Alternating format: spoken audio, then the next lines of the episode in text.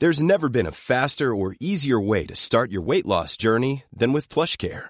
PlushCare accepts most insurance plans and gives you online access to board-certified physicians who can prescribe FDA-approved weight loss medications like Wigovi and Zepbound for those who qualify. Take charge of your health and speak with a board-certified physician about a weight loss plan that's right for you.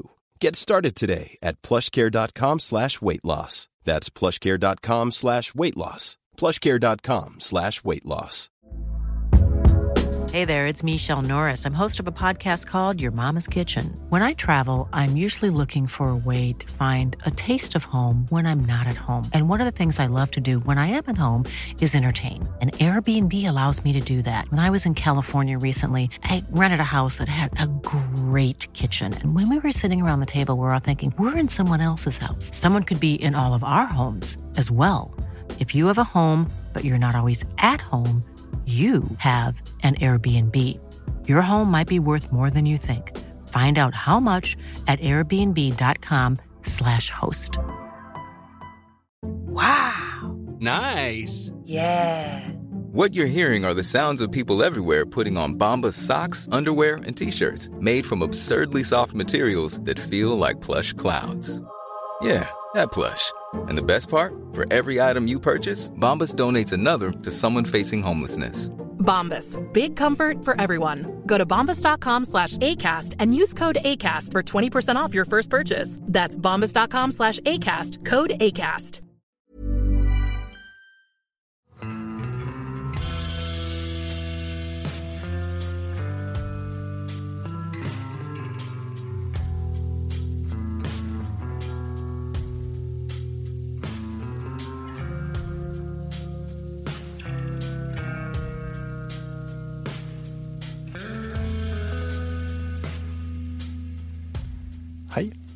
Velkommen til podkasten Uteliv.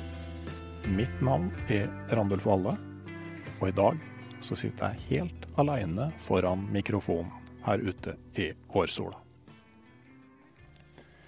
Vi har allerede kommet til episode ti av podkasten Uteliv, og har dermed kommet til det første lille jubileet.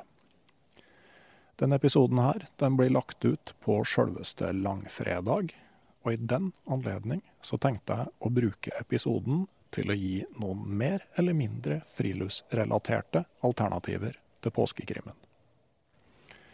For det er jo slik at mord og mysterier er uløselig knytta til påsken. Hvorfor det er slik at vi tilsynelatende helst bør se eller lese om minst ett mord om dagen for å få skikkelig påskefølelse, det er jeg litt usikker på. Men når det nå en gang er sånn, så tenkte jeg å gi mitt bidrag. Men siden virkeligheten ofte går øh, fiksjonen en høy gang, så tenkte jeg å holde meg til reelle hendelser. Det har jeg tenkt å kombinere med anbefalinger til videre påskeunderholdning. Jeg kan ikke garantere at alle forslagene inneholder mord, men jeg kan garantere mystiske dødsfall, vitenskapelig baserte oppklaringer, rettsdrama og forsvunne lik. Jeg skal starte med en podkastanbefaling. Det har jo kommet flere tur- og friluftsrelaterte podkaster omtrent samtidig nå. Min første reaksjon eh, på det var sjølsagt først en viss skuffelse over at den tomme nisjen i podkastmarkedet, som jeg hadde sikta meg inn på, ikke lenger var tom. Men når jeg har tenkt meg om, så ser jeg det her utelukkende som positivt. For det første så bidrar det her til å bevisstgjøre folk om podkastmediet som sådan. Og så er det også sånn at både iTunes og Spotify er bygd opp slik at dem som finner en av de andre podkastene, også lett finner min. Og det er jo fint at uh, alles markedsføring er positive for uh, alle andre. Kanskje spesielt uh, i og med at en av aktørene her er Den norske turistforening med flere hundre tusen medlemmer. Og da er det jo veldig greit å bli dratt med i dragsuget. Foreløpig så har jeg ikke hørt særlig mye på verken Utestemmer, som lages av Turistforeningen, eller Tur og tøys, som lages av Lars Ebbesen og Alexander Gamme. Det er fordi at jeg ønsker å finne min egen form og min egen stemme eh, i podkasten Uteliv, uten å bli altfor mye påvirka av de andre. Jeg har dessuten tenkt på at podkast er et veldig artig format, eh, i form av at det er så teknisk enkelt. Det kreves egentlig veldig lite for å lage en podkast. Det viktigste er sjølve innholdet og jeg håper at jeg skal klare å lage innhold som er relevant og interessant for dere som vil høre på.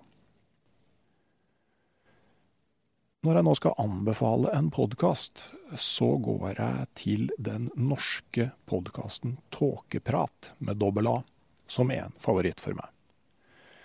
Her eh, tar den litt mystiske Even, som vi kun kjenner av fornavn, for seg temaer på det vi kan kalle for historiens skyggesider.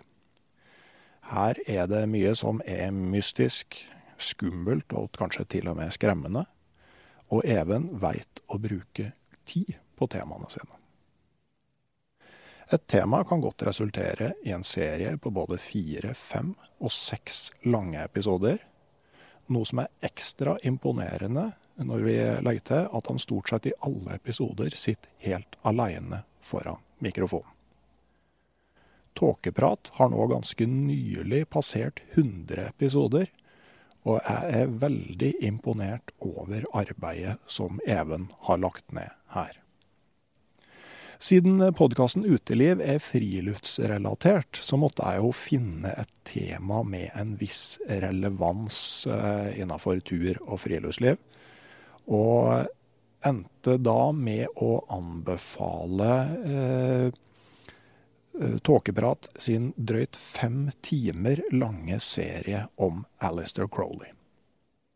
Crowley er en mytisk figur som var mystiker og magiker, og annet var kjent som verdens ondeste mann.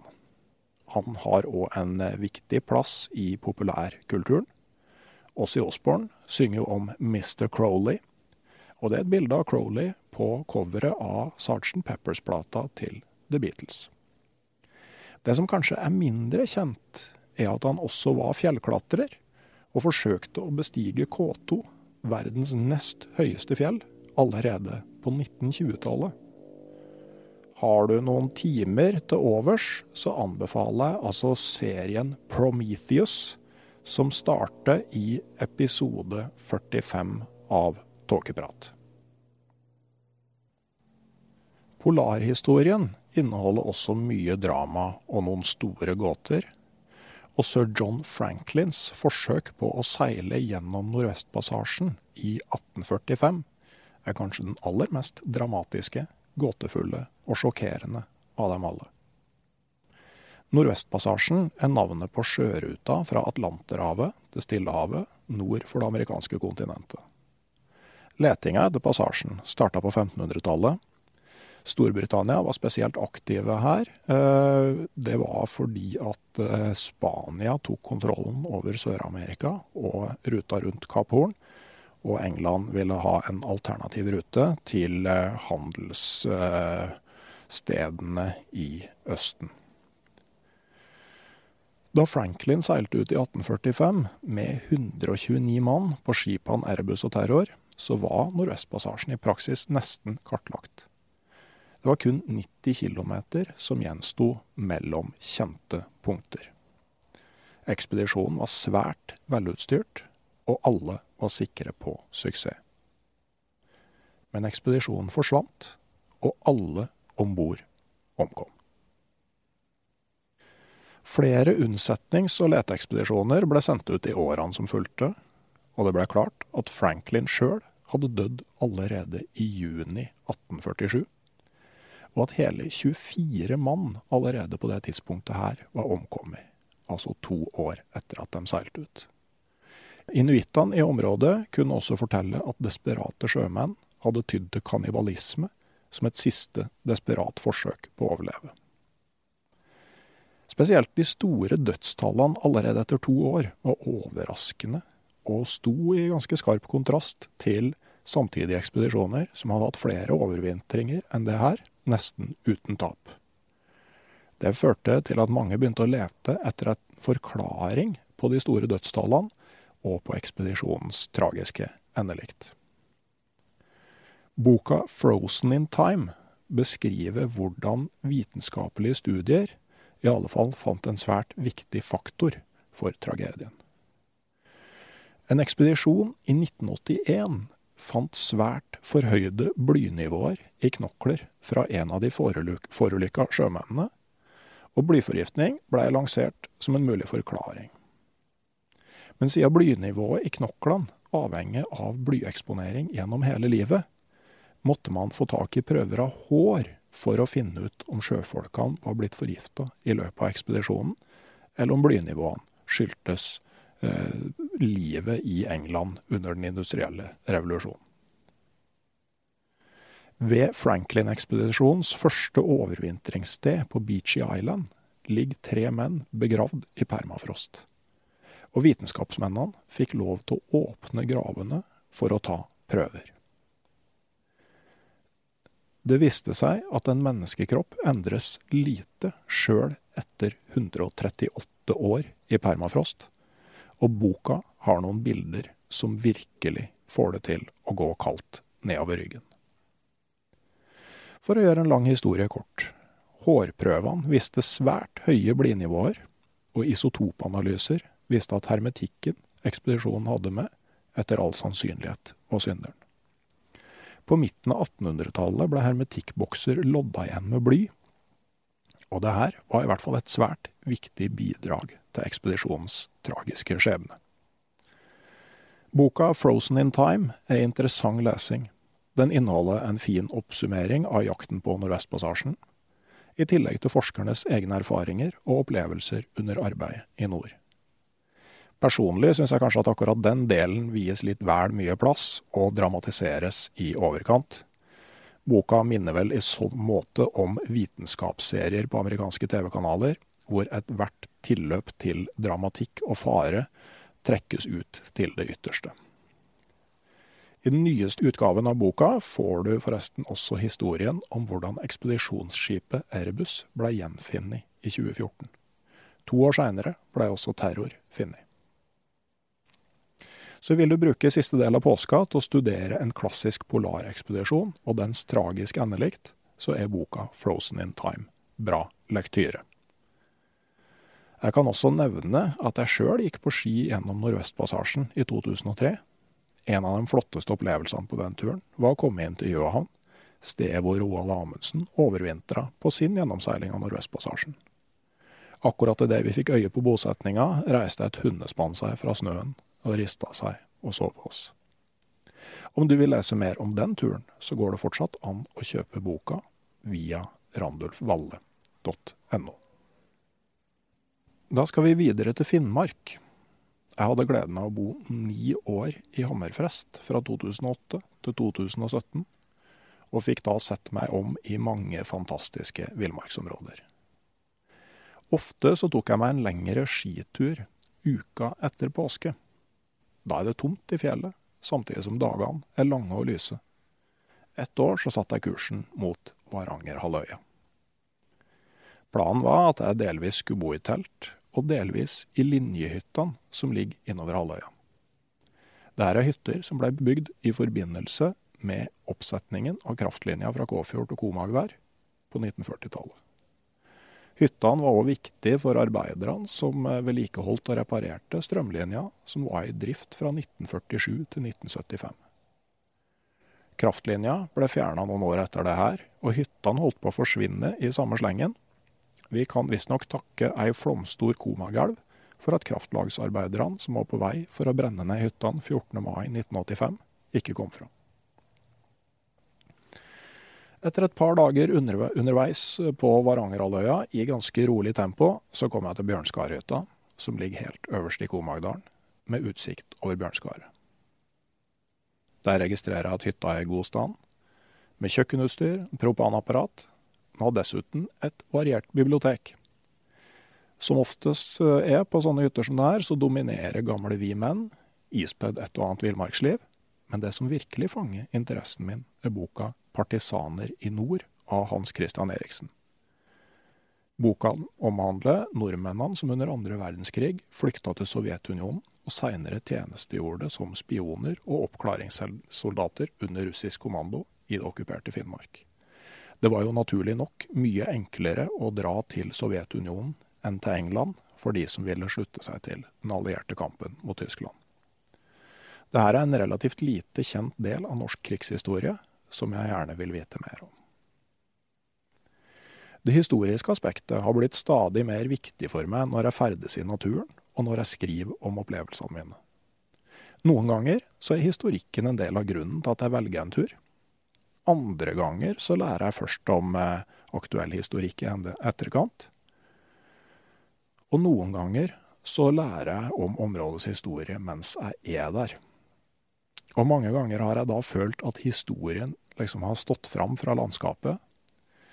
Men det har aldri vært så levende og så nært og så tydelig som når jeg ligger i senga i Bjørnskarhytta og leser Eriksens bok.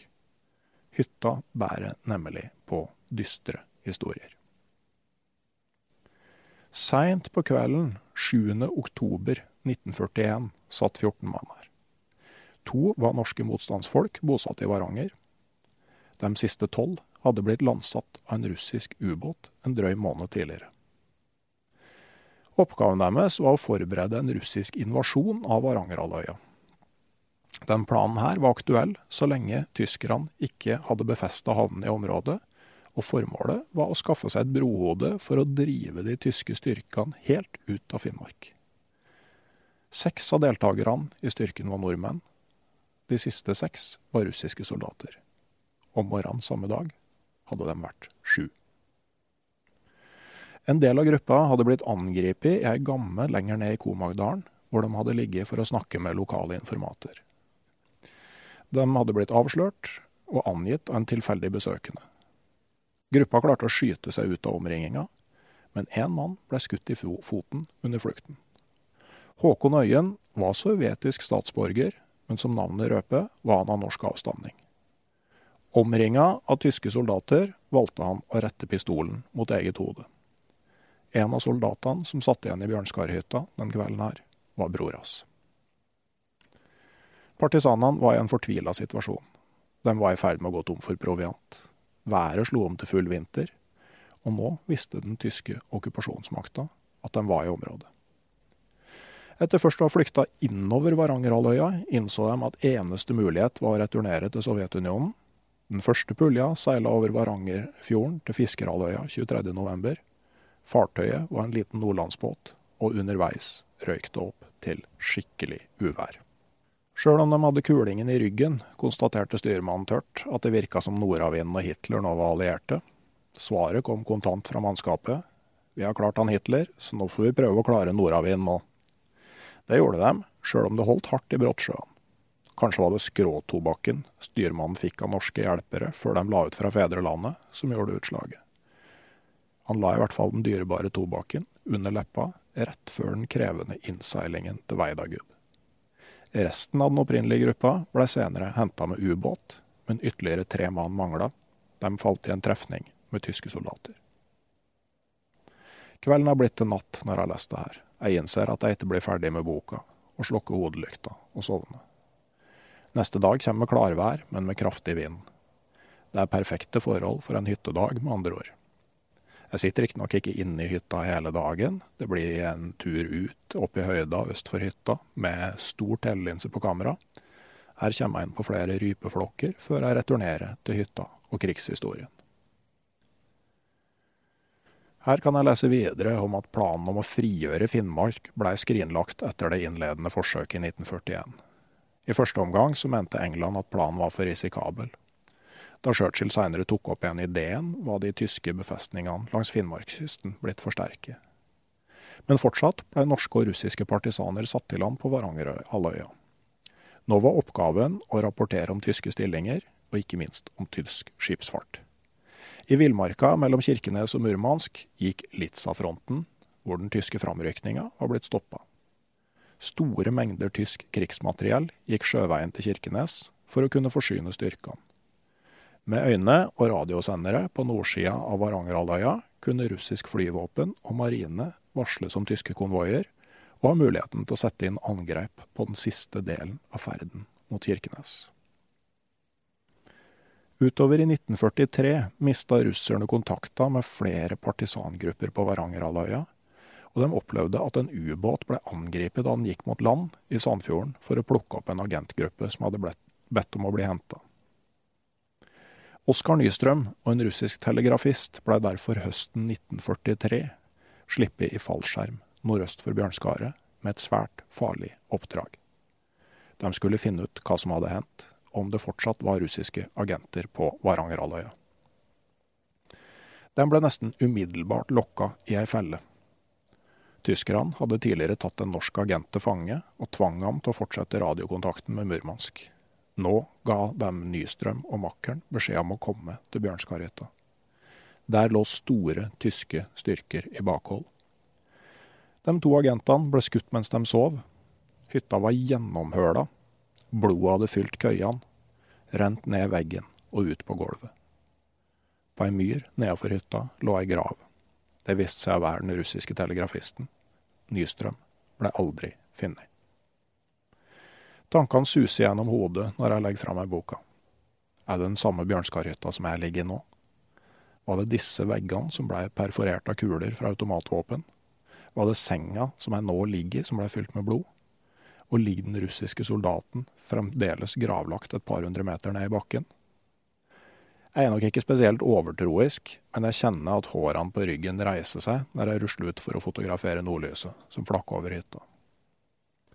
Seinere skal jeg finne ut at levningen av den russiske soldaten ble flytta etter krigen, og at Bjørnskarhytta er den samme som i 1943, men den ble totalrenovert på 90-tallet, og da forsvant bordkledninga med kulehull. Den som vil lese mer om partisanene i Finnmark under andre verdenskrig, kan finne Hans Christian Eriksens bøker om emnet i antikvariater. Seinere har Alf R. Jacobsen gjennomgått og revidert denne delen av historien, med bakgrunn i skriftlig kildemateriale, og boka hans Rød august er så vidt jeg veit noe av et standardverk om partisanene i Finnmark under andre verdenskrig. Finnmarks krigshistorie er dramatisk men sjøl den ville nok blekna mot hva en tilfeldig jakttager kunne sett i Vardø en julekveld tidlig på 1600-tallet. Én ting var at flere ravner samla seg på en av toppene på Vardøya før de i rasende fart satte kursen mot Lyderhorn i Bergen. Vel så sjokkerende ville det nok vært å se både hunder og katter som fløy gjennom tomme lufta i samme retning. Det var i hvert fall det her Mari Jørgensdatter fortalte da hun 29.1.1621 møtte for retten på Vardøhus festning. Hun var tiltalt for trolldom og djevelpakt. Hun ga detaljerte beskrivelser av hvordan Satan hadde kommet til henne denne julenatta, og hvilke andre personer som hadde vært med på reisen til heksesabbat i Bergen. Hun kunne også fortelle at det var lokale hekser som hadde vært ansvarlige for et plutselig uvær som ramma Vardø og Kiberg på julekvelden i 1617, og som førte til at ti fiskebåter og 40 liv gikk tapt. Mari endte sitt liv på bålet, og saken blei til en såkalt kjedeprosess, hvor hver tiltalt anga nye medsammensvorne. I det tilfellet her blei minst ti kvinner henretta før kjeden stoppa. Saken deres er langt fra enestående. På 1600-tallet var trolldomsfrykten stor i Finnmark, og spesielt i Øst-Finnmark. Over 90 personer ble dømt til døden som trollfolk i løpet av 100 år. I dag er det her sjølsagt veldig vanskelig å forstå. Historikere har søkt forklaringer på hvorfor det nettopp var i Øst-Finnmark eh, at eh, man blei så hardt ramma. For det første så må vi huske på at folk faktisk trodde at trolldom eksisterte. Det kan faktisk til og med hende at noen av dem som ble henretta sjøl, trodde de beherska trolldomskunster og hadde inngått en pakt med djevelen. Men også forholdene folk levde under, kan ha bidratt. 1600-tallet var prega av lave temperaturer og ustabilt vær, og i perioder var fisket svært dårlig. Det ramma sjølsagt fiskeværene langs kysten hardt, siden de var ensidig innretta mot fiske. De dårlige tidene skapte spenninger i lokalmiljøet, noe som var grobunn for mistenksomhet og anklager. Utover 1600-tallet ble situasjonen stadig verre i Finnmark. Det ble meldt om hungersnød, og både lokale handelsmenn og bergenske handelsfolk tapte store penger på dårlig fiske og ulykker. Noen frykta faktisk at hele regionen kom til å bli fraflytta, Akkurat som Mari kunne forklare uværet på julekvelden i 1617, måtte kvinner som sto tiltalt for trolldom i 1650-åra, svare for branner, forlis, dødsfall og annet som hadde forsterka krisen i Finnmark. For styresmaktene kunne det hele framstå som et målretta angrep på sjølve samfunnet. I Bibelen fantes det også en viss støtte for at djevelen holdt til i nord. Det ble sagt at nedgangen til sjølveste helvete lå på fjellet Domen, like ved Vardø. Fra 1652 til 1663 ble nesten 40 kvinner dømt til døden for hekseri, altså i løpet av elleve år. Og det kunne ha blitt langt verre. Men en enkelt embetsmann hadde nok en stor del av æren for at det ikke gikk verre. Lagmann Mandrup Pedersen Skjønnenbøl brukte lovverket til å stoppe galskapen. Et sentralt punkt for han var at straffedømte mennesker ikke hadde adgang til å vitne mot andre. Og det her kvarte serieprosessene i starten. Schönberg straffa også folk som hadde kommet med falske anklager. Det siste heksebålet i Finnmark ble tent i 1692. I dag har de som ble henretta som trollfolk, fått et monument i Vardø. Her får du både et innblikk i de enkelte menneskeskjebnene, samtidig som du får begrep om det enorme antallet dømte.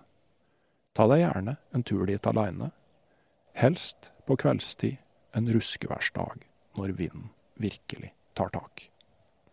Vil du vite mer om trolldomsprosessene i Finnmark, så kan du lese boka Ved porten til helvete av Rune Blix Hagen. Om du er nysgjerrig på Finnmark, både som turområde og som region, så kan du jo sjekke ut min bok Friluftsliv i Finnmark. Her har jeg delt inn Finnmark i ulike områder, eh, hvor jeg beskriver både egne turer og historikk og natur. Og du får òg praktiske tips for å dra på tur i Finnmark. Boka er tilgjengelig via mine nettsider randulfvalle.no.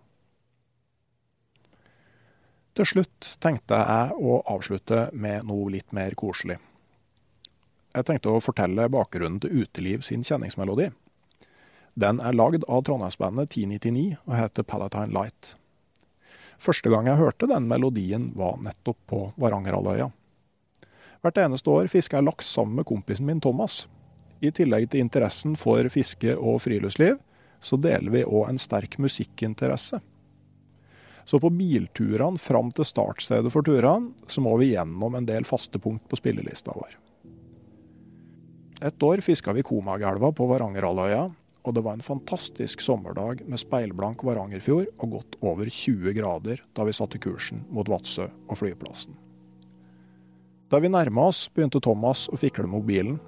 Han ville gjerne spille ei låt som for det første var knallbra, og for det andre passa perfekt til dagen.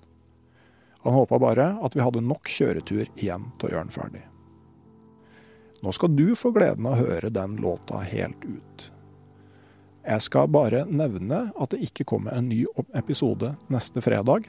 Sannsynligvis er den klar i løpet av påfølgende mandag, men jeg skal ikke love noe 100 eh, Inntil da så får du kose deg med både Turlivet og 1099.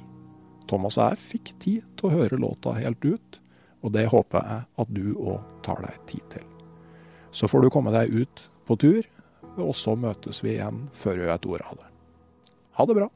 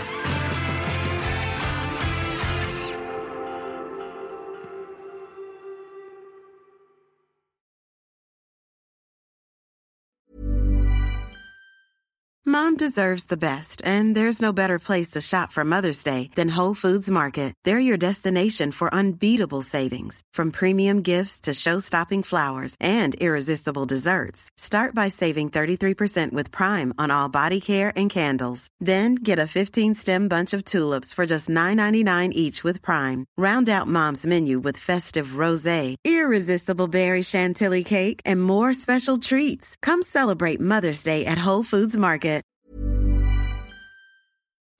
Hei, jeg heter Nore Helligsen og er daglig leder i Barents Outdoor. Det beste vi kan gjøre for planeten, er å redusere forbruket vårt og få mer ut av det utstyret vi allerede har.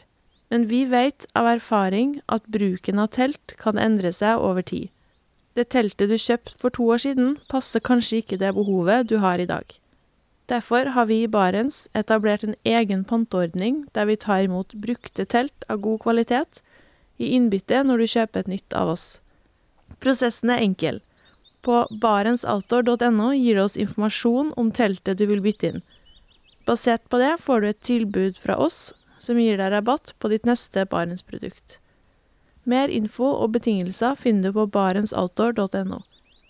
Og husk at den første reparasjonen på produkter fra Barents er alltid gratis.